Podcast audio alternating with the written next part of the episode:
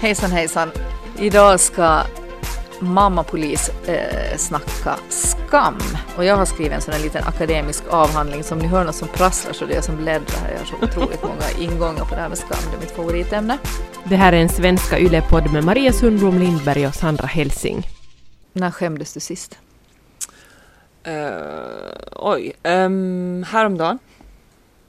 Jag var otroligt uh, högljudd, okontrollerad och respektlös mot uh, mina barn. Mm. Det var tungt. Jag vill inte ens uh, att de ska förlåta mig heller. Nej. Just nu. Jag är mogen för det nu. Mm. Men jag tycker det är ganska bra när man, man kommer, alltså, alltså man har inte rätt att bli förlåten. Nej, så känner jag. Ja, så känner jag nu. Mm. Jag vill inte att, och, och, inte min man heller på något sätt, utan de får lämna mig i fred nu bara. Nu får jag gott göra och, och sådär.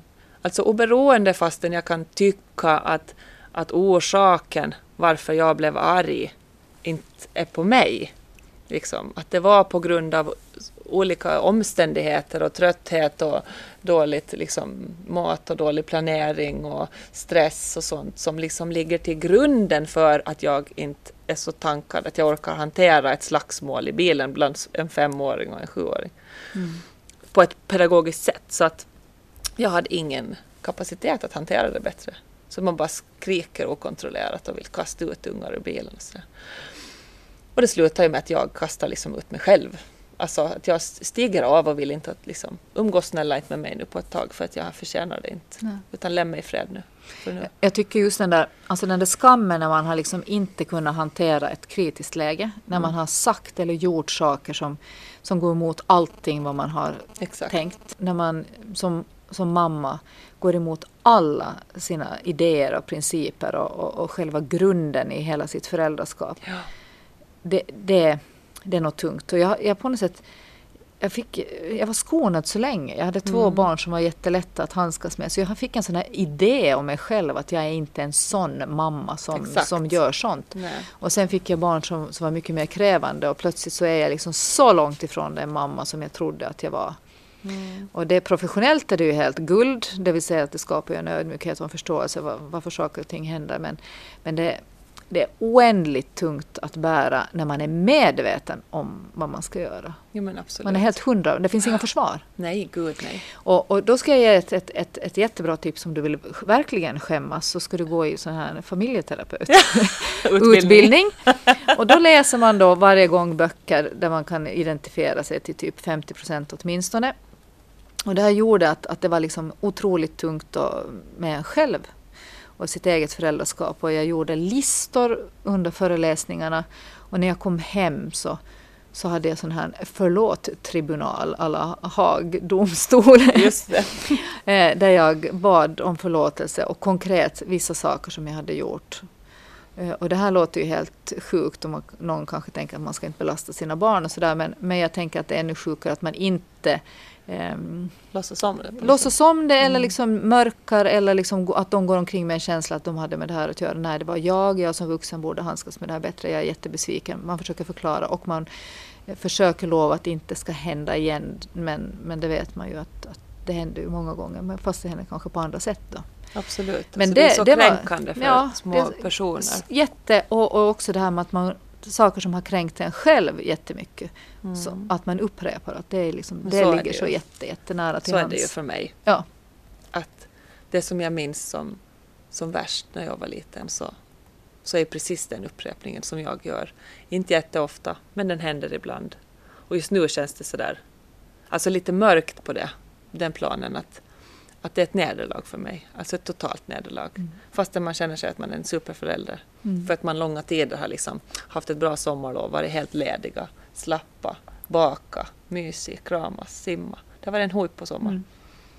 Och så blir det ett sånt här strandbråk som liksom urartar så, så att jag bara, som, som bara skriker okontrollerat och att det blir sådär. Och då faller liksom det andra känns nästan fejk. Jag menar hellre jo. skulle man ha varit utan det och varit liksom lite mer så här om man skulle ha sluppit det här äckliga. Jo, nej, gud, Men usch, ja. sådär eh, terapeutiskt sett så Exakt. är det ju så att, att, att det här goda som ni har upplevt det där andra under hela sommaren. Det här var ju liksom 0,0001 procent av den här sommaren som det här flippet hände. Ja. Så för att det andra finns så kommer man ju över det på ett annat sätt. Jo, procentuellt är ju det. Ja, att det kan man trösta sig jo, med. Att, att de ser också helheten och de, de har så mycket trygghet att de pallar med det här. Det är när man, när man inte har någonting och inte har haft, fått någonting alls, då finns det ju inga marginaler. Nej, absolut inte. Men då skämdes, skämdes du senast? Idag i bilen? Idag, nej, nej det, men, men alltså, till skammens väsen hör ju att den, den frodas i mörkret. Ja. Eh, den är ofta svår att benämna. Det handlar kanske mer om vad man är än vad man har gjort. Mm. För då är, det snuddar ju till skuld lite mera. Ja. Skammen har ju ofta liksom med en som person att göra och då har man otroligt lite försvar. För det är ju bara som man är, man kommer liksom inte ur det. Men eh, jag har, jag har haft några sådana här, jag har, jag, alltså jag har gjort sådana skamgrejer som jag inte ens kan alltså berätta åt dig och här. ja. ja, och de är, de är inte, alltså det är ju inte att jag har ju, jag har ju liksom inte gjort i princip något fult, men jag var liksom sådär extremt eh, dålig på, på, på, vissa av mina känsliga områden och, och jag kan inte ens berätta det.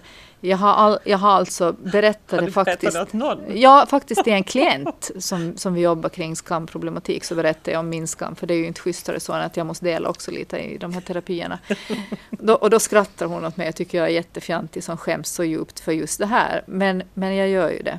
Men det kan jag ju då alltså inte berätta. Men det har någon slags med, med, med, med det, och jag kan säga nyckelorden finska, eh, oförmåga, korkad, ja, oändligt eh, bottenlöst eh, förtvivlan att jag aldrig lär mig. Okay. Mm. Mm. Så inom den spektra mm. var det. Men just sådär att man skäms över, över saker, att man säger fel och, och, och saker och sådär. Det ja. tycker jag kan vara alltså, otroligt skämmigt i stunden, men jag tycker att det är otroligt, otroligt roligt. Ja, det, jag tycker det är jättekul när andra, ja, andra gör det. Men, men, för mig går det liksom inte över. Och, och, det fick mig faktiskt att tänka på en sån här skamgrej. Som, alltså det, det, här, det här låter ju absurt, men det, det, säger lite att om det här med varför jag, som vi har talat om i en annan podd, att aldrig våga satsa fullt ut på någonting för att jag varit så rädd att liksom få på något sätt ett konkret bevis att det inte duger. Så därför har jag mm. alltid hållit mig liksom i mitten. Och det var, jag läste, läste psykiatri i Uppsala mm. med, med medicinerna under ett år när jag var på, som, på en sån här Nordplus-stipendiat. Och eh, i den där kursen var det förstås jättemycket mm, medicin, alltså helt medicinering kring, inom psykiatrin och det var väldigt mycket kemi och allt möjligt annat som jag absolut hade liksom noll koll på. Och inte hade jag heller varit på en, en psykiatrisk avdelning som assistentläkare, vilket alla andra hade varit. Det finns mycket ursäkter. Men jag, jag, eh, jag måste tenta den där kursen och jag kom inte igenom. Mm -hmm. Och då funderade jag alltså seriöst på att ta mitt liv. Och jag kunde inte ha kontakt alltså med de, de andra kurskompisarna som jag hade blivit jättegod vän med. Men jag kunde liksom inte träffa dem på nytt. För då skulle jag måste säga om jag kom igenom min tent. Och det hade de ju läst säkert där på den där lappen som satt. Ja. Mm. Så sådana här knasiga liksom skamgrejer finns. Nej, nu kan jag inte ens prata. Ja, men det, är det, är det säger ju liksom en hel del om, om mig som person. Att jag, att jag grund, grund, en grundskam som fanns. Och, och, eh, och det här är också lite intressant. Jag hade, jag hade en, en, en arbetsplats som jag visste från början att inte liksom var sund. Och, Eh, jag hade varnat för det. Men jag tänkte jag går dit och jag tar det liksom, jag, jag, tar distans, jag är inte så engagerad. Det här är ett jobb bland andra. Jag går hem, funderar inte så mycket. Men det, det, blev, det blev mer komplicerat än så. Och, och eh, de började göra mig otroligt illa. Eh, upprepat hela tiden och det var inte bara jag liksom som uppfattade det, alla såg det. Men jag kunde liksom inte ta i det. Jag hade liksom, jag, jag, jag, jag säger ju annars till men jag kunde inte med det här, säga till och, och sätta ner foten och framförallt möta dem som, som, som bråkar med mig. Och, och, det tog jättelänge innan poletten trillade ner och det handlar ju alltså om någon form av grundskam. Det vill säga när de tyckte att jag var dålig och inte dög och ständigt påpekade till mig så kom de åt min känsligaste punkt. Just alltså att jag i grunden inte tror att jag duger. Nej. Och därför kunde jag inte heller kaxa upp mig. Nej. Och det är det som ofta sker med mobbning. Det är ju att, att, att de här vinthundarna ja. känner lukten, dobermännen ja. känner lukten av osäkerhet. Exakt. Och den som, som har den så, så ligger redan, den kan liksom inte stiga upp. Mm. Och då gjorde jag en sån här intressant grej som man kan göra inom terapi, att man gör så här att vad, vad är liksom den här kärnsmärtan i mitt liv? Mm. Och, och, och, vad är kärnskammen? Och då ska man bara säga en mening och det här var liksom helt sådär, det var en övning, vi gjorde en utbildning. Och då kom det upp för mig, mm, eh, jag är värdelös. Ja. Mm. Och det är ju sant. Att det, är liksom, det är min grundkänsla i livet, att jag har inget värde. Men ja. Mm. Och det är ju ganska skämmigt sådär. Men genast när man har sagt det så känns det liksom lite mindre. Ja. Men, men när, när den där meningen kom så det är ju precis det det är. De sa det som jag misstänkte att jag är, att jag inte är värd något, att jag inte kan något, att jag är dålig. Och att jag inte är värd det jobbet framför allt. Oh. Så det, det här gick ju jätte hand i hand då, på alla sätt och vis. Men vi jobbar på det. Svårt men, att få någon luft här. Ja, men så här, det här är ju det här är ju för många människor alltså någonting som kan styra livet. Och det har det gjort för mig tycker men jag på jättemånga Gud, ja. områden, den där skammen. Ja men det förstår jag. Sen finns det ju sådana små skam. Alltså när man har gjort bort sig. Mm. Då skäms man ju, men det är ju inte riktigt samma sak. Att skämmas och bära skam? skam och, nej. nej. och då är det mer att man skäms för vad man har gjort, man skäms inte för vem man är. Och det är en stor skillnad mellan det. Ja. Men... En gång när jag skämdes sådär att jag inte kunde prata nästan på ett dygn, det var Ja, men jag är sådär överdrivet spontan och tänker liksom inte jättemycket efter. Vi var på Vårdberg i Åbo och firade VAP. Mm. Och, och Henka hade Astrid på axlarna. Astrid var typ tre år och det var den första vappen vi liksom firade tillsammans. Så det var liksom Det var jättespeciellt. Mm. Och hans byxor trillar ju alltid ner. Alltså han, han går alltid med häng. Det hålls inte uppe. Så att Eh, då sa han att kan du dra upp mina byxor? För han, höll, han höll, höll, ju i den där ungen i henne. Och då blev jag så jättesugen på att skoja med honom så jag liksom drog ner sådär lite. Problemet var att, att allt får ner. Jaha. Mm. Kalsipper och jeans på Vårdberg. Vi pratar 10 000 människor. Han står där med med hela apparaten i vädret. En unge på axlarna som han inte kan släppa och kan inte skydda sig. Nej. Men jag förtvivlat liksom försöker få upp, men det går ju inte andra vägen. Nej. Va, det va? ligger paket i vägen. ligger paket i vägen. Det, det tog jättelänge i slow motion innan det där barnet var nere, innan han hade liksom krupit ihop på huk, innan han hade fått upp det under byxorna.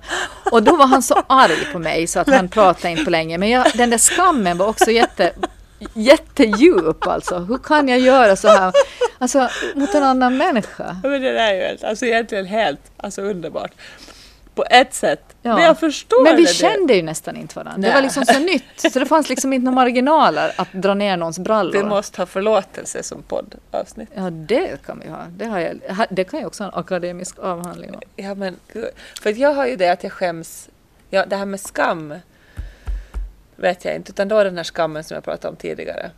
Men det är att också att skämmas eh, eftersom jag inte på, då, på så vis känner sån, sån skam att jag på något sätt skulle vara värdelös i samma, samma sens som du pratade om. Men jag har ju också hela mitt liv skämmis över andra. Jag skäms hur andra beter sig. För att jag är rädd att de ska döma mig. Att jag är likadan. Att jag ser ner på folk. Alltså jag ser ner på folk som beter sig illa. Mm. Ja. Eh, och är jag i samma grupp så tror jag att de också ska döma mig, att jag är likadan. Mm. För att det där andra är dåligt. Kan du ge ett konkret exempel? eh, ja, mm. alltså eh, om man är på någon fest, därför har jag också problem liksom, med folk som dricker. Så här redlöst och klär av sig och kryper omkring. Och, alltså så här, när man, Vem man, umgås du med? Ja, exakt. Det är ganska kul. Nej, utan nu umgås ju inte jag alls med folk som super super så mycket så här alls. Men, men jag bara tänker så här förut eller att man har eh, liksom, jag har en underbar tjej i min, min ganska så direkta närhet som är min familj och som är ett sånt där naturbarn. Men som är levnadsglad och härlig på alla möjliga sätt. Men som, som liksom eh, man har växt upp med hela livet. Men hon gick ena vägen och jag gick andra vägen. Och när, hon, när vi liksom var lika vilda ganska länge, men sen på något sätt fortsatte hon att vilda. Och jag liksom var rädd för att bli dömd och man har ju barn och, skäms och man kan inga och man ska inga. Och sen blev jag polis då, så att det hade väl säkert också kändes lite opassande då förstås givetvis, helt logiskt. Men jag kan fortfarande inte liksom umgås i samma, samma typ av situationer för att jag vill inte att någon ska tro att jag är en dålig förälder för att jag är tillsammans. Jag vill inte att någon ska tro det. Mm. Så jag vill inte. Och då kanske det är så för att jag känner att jag själv är det. Som den här situationen då idag. Mm. Att då får de ett bevis på att jag är faktiskt skitdålig. Mm. Jag vill inte heller att någon ska tro det.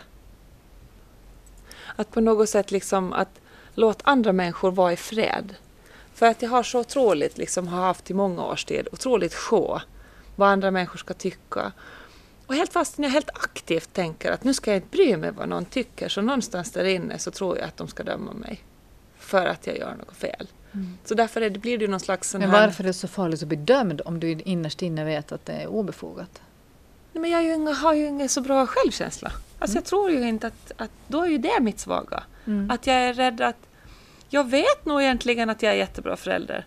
Men sen gör jag de här halvsliriga liksom skrikutbrotten då, som, som bekräftar det som jag liksom farar. Mm. Att jag inte kanske var så bra i alla fall som mm. jag håller på tänker att jag är då. Och då blir det min jävla svaghet. Så därför så blir jag också rädd så fort någon får någon orsak till döma mig. Inte för att jag ser ut, bryr mig inte ett jota. Alltså jag kan ju gå i långkalsonger här mitt på Mannheidsvägen, spelar ingen roll. Alltså jag bryr mig verkligen inte. Gummistövlar, skitsamma. Aldrig brytt mig. Däremot vem jag är som person. Och om någon missförstår det och dömer mig för att de inga känner mig. De som känner mig vet det. Mm. Men de som inte känner mig, jag kan inga vara i samma sällskap för någonting som jag inte står för. Mm. Alltså det måste jag, det är ju liksom, måste lämna de andra i fred, låt bygga upp mig själv. Mm. Tror du att det finns saker som man skäms för liksom, som inte går om? En skam som inte liksom lägger sig? Man skäms liksom hela livet för någon sak man har gjort. Har du några sådana mm. grejer? Jag kan skämmas eh, för att jag tappar, alltså för att man tappar kontrollen för att man är en, som ett relationsspråk. Mm. Hur man har hanterat någonting mm. på ett respektlöst sätt. Ja, det är äckligt. Och då vet jag, eftersom vi bråkar hyfsat sällan hemma hos oss, men när man liksom i någon sån här nödsituation, nödrop på något sätt tar till något fult tricks. Men du är ju så bla bla bla. Och så svider det till riktigt ordentligt för att man liksom tar till det värsta eller knäpet för att man är så i underläge. Men när man liksom hanterar någonting så otroligt dåligt respektlöst i ett relationsspråk. Mm. Kastar någonting efter någon eller skriker någonting. Jag, jag gör ju allt för att vi inte ska bråka för att jag inte vill komma i en situation där jag skäms. Som du behöver skämmas ja, för? Ja, Jaha. att han ska säga något som indirekt får mig att skämmas eller att jag ska säga något som jag skäms för sen. Jaha. Så jag stoppar ju nästan Vad gör du då, då? Men stoppar med vad? Jag säger att jag vägrar att bråka. Oj, vad enkelt. Mm. Mm. Vad avväpnande. Väldigt. Men jag är otroligt rädd för, för bråk, bråkande faktiskt. Sådär. Alltså de bråk, klart jag kan bråka men inte sådana här jättebråk. Det blir jag jätte, får superångest av jättebråk. Mm. Men det får ju jag också. Mm. Men, men jag tänkte, jag läste en artikel om skam och sociala medier. Om att det är vår nya skampåle i modern tid. Ja. Och det det är ju någonting som jag tycker är oerhört tungt. Mm. I, framförallt i det här med liksom att vara sådär halvoffentlig som jag kanske då är i, i svensk Finland på något sätt. Mm. Det är ju så saker som kan skrivas på nätet och det är en grej som, har, som hämmar mig otroligt mycket. Jaha, att du är rädd för? Ja men där blir ju den där bedömningen, den här som du är rädd för vad andra ska tycka om dig, den blir ju otroligt Eh, tydlig. Mm. Alltså man kan ju mm. liksom inte missförstå att någon skriver i en chatt eller i, en artikel som jag har skrivit så mm. kan man skriva alltså, vad är du för idiot som mm. fattar du ingenting bla bla bla. Okay. Mm. Och de är anonyma. Så man har liksom inget face, man har liksom ingenting och det är ingen idé att gå in i en diskussion om någon är sådär förnedrande. Men skammen blir kvar där i den där kommentaren. Och den där förnedringen på något sätt. Och det är ju inte alltid i sak. folk skriver, jag vet att när de hade varit en artikel om, om Henke och mig så skrev de ju om vår familj, alltså att leva i stor familj, så skrev någon där att han säger att han är feminist bara för att få, få ligga med henne, skrev han. Och då känns det ruttet att ja. någon tycker så om oss. Ja. Något som vi kämpar för hela tiden. Mm. För det finns en extrem obalans när det gäller jämställdhet hos oss. Ja. Uh, och uh, sen när mina barn läste det. Oh my God. Att mm. det är nog en sån här grej som jag skulle gärna se någon lagstiftning kring. Att sluta. Och, och, det är också det att tänk vad man kan sätta på nätet idag som man inte kan liksom styra. En, en bild från när man har varit ung, bild från någon fest, olämplig vinkel. Mm. Man får liksom inte bort det. Nej. Det här har ju vi då, utan att nämna min man för mycket, men vi har ju blivit utsatta för ganska hyfsat mycket skräp. De hackar ju vår familjeblogg som vi hade när vi bodde utomlands i många år.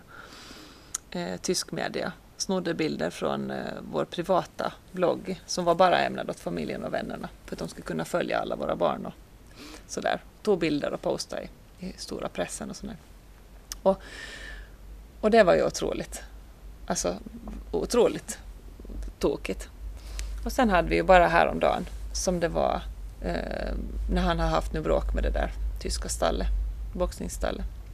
Så vad heter det då? Så hade han här urruttna eh, boxningstränaren gått och tagit någon sån här backstabbing kommentarer och bilder och och, och liksom smutskastar Robert efteråt och säger att Roberts skador beror på att han har varit i fyllan och har halka. Men alltså vad är det för skit? Mm. Och, sådär. Så då, och det får han liksom skriva. Vad som helst får de skriva. Att mm. de inte skäms. Mm. Tur att Robert ändå är så, så liksom, det rinner av han ganska mycket men det är ganska hårt när det handlar om... Så grymt orättvist. Och just den där upprättelsen, det, det går den ju finns liksom, inte. Det finns ju inte. Den kommer man inte. Det måste man bara jobba på liksom. Men han är nog så hårdhudad nu, men jag är inte. Ja. Men jag, eh, men jag står ju för det. Det är samma sak med den här podden. Mm. Jag skäms ju inte för vad jag säger här. Mm -hmm. alltså, men jag gör ju inte. Nej, men det är bra! Ja, men jag skäms ju inte för att det här för det. är ju vem jag är. Ja. Och det är ju från mitt hjärta. Ja, och, det, och jag menar, men är inte det som är det känsliga? Att, att vi sitter här och, och berättar ganska mycket kring vem vi är och saker som vi kanske inte ens har pratat med våra andra vänner om. Ja. Och, och, och de aldrig ringer. Nej, de aldrig ringer. Men, men då, då kommer ju den här skamdimensionen in. Eh, inte dags att sluta skämmas? Då? Ja, det är ju just precis vad det är, att ja. det är dags att sluta. Men skammen är ju bra. Alltså skammen är bra för att den, den, är ju en, den reglerar ju oss socialt. Vi gör ju, undviker ju saker, vi gör ju inte om saker vi har skämts superdjupt. Så därför mm. jag tycker om skam. Mm. Och jag tycker också om skuld, men mm. inte den obefogade skulden och inte den påtagna skulden Nej. och inte den påtagna skammen. Inte behöver jag gå omkring och skämmas så mycket att jag funderar på att dö för att jag, för att jag för, e, alltså det är en tent under hela min universitetsutbildning som jag inte mm. kommer igenom. Jag funderar faktiskt om jag borde dö. Ja, så hemskt. Ja. Men, men sen, sen eh, skammen som maktmedel, det är ju också eh, intressant. Nej men gud ja. Så fult. Ja, och där tänker jag liksom också på din värld, den här liksom polisvärlden och, mm. och tjejer, kvinnor och skam och brott. Mm. Våld, våldtäkt. Där finns det ju jättemycket skam. Hur menar du nu? Ja, att, att kvinnor egentligen ska skämmas för att, att, att man är, har blivit utsatt för ett sexuellt övergrepp egentligen. Och att det finns en sån här man får mm. skylla sig själv om man har liksom varit berusad eller vissa kläder eller fel sällskap eller någonting ja, annat. Absolut, ja. Och att man inte är trodd och man måste bevisa sig till ytterlighet och hur bevisar man det? Att man, två människor i en lägenhet kan ha. Nej gud, alltså det där är ju en hel... Det är en hel podd. Det är en hel podd. Jag blev helt matt när, ja. när det kom det här. Jo absolut. Mm. Det förstår jag. Och, och, den där skammen när man har varit utsatt för ett brott, den är ju också stor. Fast jag vet att det var inte jag som, blev, som slog mig själv, utan Nej. jag blev ju slagen av någon som mm. inte, man får inte slå. Ja. Och ändå skäms jag för att... Men man skäms någon, att berätta det. Man skäms att berätta det, men man anser, igen kommer det här att kanske ändå på något sätt förtjänar. är värdig och förtjänar att bli slagen för ja. att jag är så skit. Nej men så är det ju, absolut. Jag har ju någonting som är som skam när jag tänker efter. Alltså att jag inte... Alltså, det är någonting, jag undrar om det är någon typ av schizofreni. För att alltså jag, jag är ju, halva mig står 100 procent, alltså halva mig står hundraprocentigt för vem jag är. Och halva procenten, halva mig, så står inte för vem jag är. Alltså att jag, jag är om du tittar, jag är om du tittar ner i min handväska så här, mm. som Mm. det är ser ut rakt ner i min handväska. Alltså färggrant, rörigt, det är glittrigt, det är glatt och det är roligt. Så är jag. Alltså det är jag i min väska där. Men jag står för det, men jag skäms för det om någon tittar ner och där är någon räkning jag borde betala för tre veckor sedan. Och då eh, är där också någon, någon jätteurringad bh och där är någon lite för gammal banan som har mosat sig ner där. Alltså förstår du att jag, jag skäms för att jag har oordning, jag skäms för att jag är lite pervers, jag skäms för att jag är lite det här. Så jag står ju inte alls för vem jag är. Förstår du vad jag menar? Absolut, men man så jag måste, står ju inte för det, men, men jag måste är man så här. stå för sina äckliga... Alltså jag menar, jag tänker... Jag får Stå ofta, för sitt äckel? Ja, men jag har liksom ofta en sån här angst liksom att om vi blir överkörda. Alltså med en Vad har du krock. för trosor på dig då? Nej eller? men det är inte så farligt. Det, det har jag kommit över, så gammal är jag. Men jag har liksom obehag för mina, de som kommer in till vår lägenhet sen och måste börja röja upp. Jaha. Till exempel våra tandborstar. Liksom hela det, det är ju liksom superäckligt. Alltså vi har sådana äckliga ställen i, i vårt hem som är sådär jätteäckliga, som handväskan då. Just det. Som, som är jätte...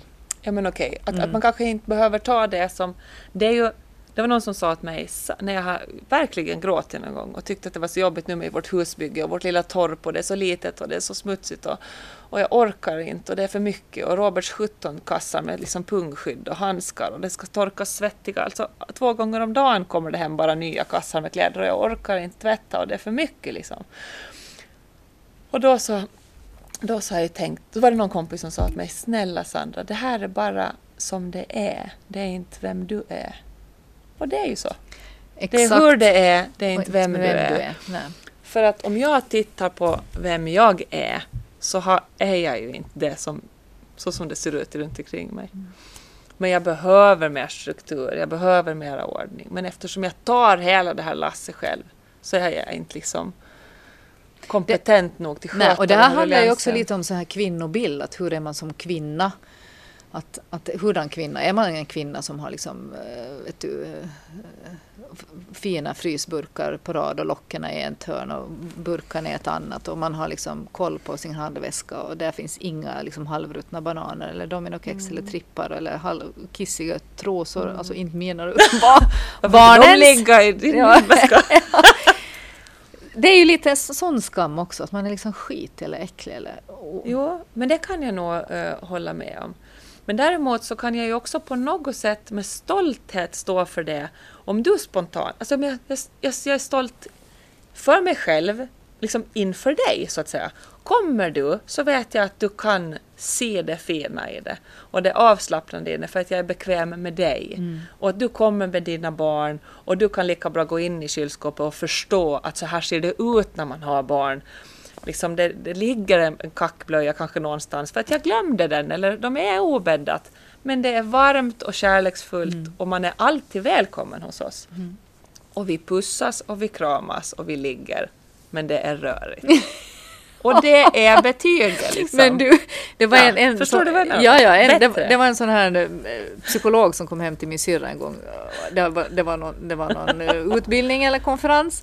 Och så sa han, hon är alltså väldigt pedant, så sa han att alltid när han kommer hem till en småbarnsfamilj som har städat så finns det problem. Jo, men så är det. Alltså jag är helt hundra på det. Och, så, och bakom varje städat hem så finns ofta en neurotisk kvinna eller en olycklig kvinna eller en, en ja, Mm. kontrollfreaks människa som är fast i det här. Och som sover väldigt lite, Ja. ligger väldigt lite, eh, leker väldigt lite. Det är ju, så här är det. Liksom, så här är det. Och jag tänker också att de läser också väldigt lite. Alltså Och jag då som är sådär mitt emellan nu, jag är både råddig och städig. Du- Skitigt. Just det. Mm, Men jag tycker ju då, enligt mig själv, så tycker jag att jag har ett strålande betyg på mitt liv. Mm. För där är barnens pyssel överallt. De får vara kreativa överallt. De får måla, de får fixa, de får greja. Jag får hänga upp vad jag vill, måla allting turkost och lila och glittrigt så länge jag är glad. Vilket betyder att det ser också ut därefter. Men så kommer det våra underbara, men jättepedantiska och fina släktingar eller vänner som har det tipptopp hemma hos sig. och tittar lite snett, de kramas och så frågar jag, ska ni ha något att käka? Nej tack, vi har just ätit. Och då tänker jag, de vill inte fan komma in i vårt kök för det är så asigt. De vågar inte äta från den äckliga tallriken. Nej men så, så tror jag. Hinna, Nej men förstår du, så ja, tror jag. jag. Men, men det var intressant när man tittar på skam på arbetsplatser, om jag nu hålla på med min akademiska avhandling som jag Håll gärna här. på. Och det är att till exempel, det var någon av de här, någon som hade jobbat med Apple, så såg ju att, var hade jag den? Det var ju så intressant. Mm. Äh, äh, här, ja, han hette Peter Sheehan, kanske. Mm. Äh, att kreativitetens död är skam. Mm. Att förutsättningen för, för, kreativitet är att man faktiskt kan släppa på alla plan och våga misslyckas. Och sen också att, att eh, superviktigt att ledaren visar på sårbarhet och öppenhet och visar att, att den inte är så himla begåvad eller har svar på alla frågor. Att det här, är liksom, här är de här mm, hur, hur skammen liksom kan, hur viktigt det är att ta i den i olika organisationer för att få en kreativ arbetsplats. Mm. Och sen eh, eh om vårt egenvärde inte står på spel så blir vi modigare och vågar visa upp våra oslipade gåvor och ofärdiga förmågor. Mm. Då vågar man vara lite, lite crazy. Eller va? Jo, jag skulle ju inte kunna göra den här podden med så jättemånga. Nej men på riktigt, jag har ju gjort ganska mycket media med ganska många och med vissa så bara låst. Just det. Och där, där, när det finns någon slags känsla av bedömning. Och, att inte fri. och nu känner jag med dig så är det ju inte så jättemycket bedömning där. Nej, men det är ju det finaste betyget mm. för mig. Eh, ja, alltså när, när, jag, när, jag, när jag blev skild. Det heter, heter det så? så? Ja, när jag blev skild? Jag valde inte själv. När han, när han lämnade mm. mig, eh, min första man, då, då skämdes jag nog jättemycket. Och jag var ganska förvånad att den där skammen var så stor. Jag eh, kände mig dumpad, ratad, icke värd. Och hade otroligt svårt liksom att, att förstå på något vis att, eh, att ibland gör ju, såna, gör ju människor beslut att sluta älska fast man inte är dålig. Mm, jo, jo, precis. För det har jag gjort själv jätte, mm. jättemånga gånger. Jätte, ja. jättemånga gånger. Ja, men det har jag gjort. Jätte, alltså att det har tagit slut. Eh, fast den andra människan är otroligt fin. Mm. Och så var det ju också den här gången. Jag är ju otroligt, otroligt ju fin. Otroligt fin. men, men skammen att bli lämnad och skammen av, att inte duga eller skammen att, att inte vara älskad. Ja, och, och, skammen av skilsmässa som också kanske är extra belastad i, i, i en, en eh, kristen kyrklig kontext. Det var det jag tänkte, det måste ja. ha varit så är skammen för kollegor och för Ja, att det, är, det, är, det är ju alltså så B, som, det, ingen säger ju det högt men det är ju super B. Men, men vad kan man göra? Jag kunde absolut ingenting göra. Inte kunde ju du göra någonting. Nej. Nej. Men, men också ur det perspektivet, tänk om det var jag som skulle vilja ha skilt mig av något skäl. Mm. Nu kunde jag ju ta den där rollen att jag kan inget göra, det är hans beslut. Men, mm. men även då att skambelägga människor som tar sådana beslut, det, det måste man vara fruktansvärt försiktig med. Man mm. vet väldigt lite vad som händer i äktenskap. Ska vi säga tack eller? Ja men det gör vi. Va? Tack. Kram på er. Hej. Hej.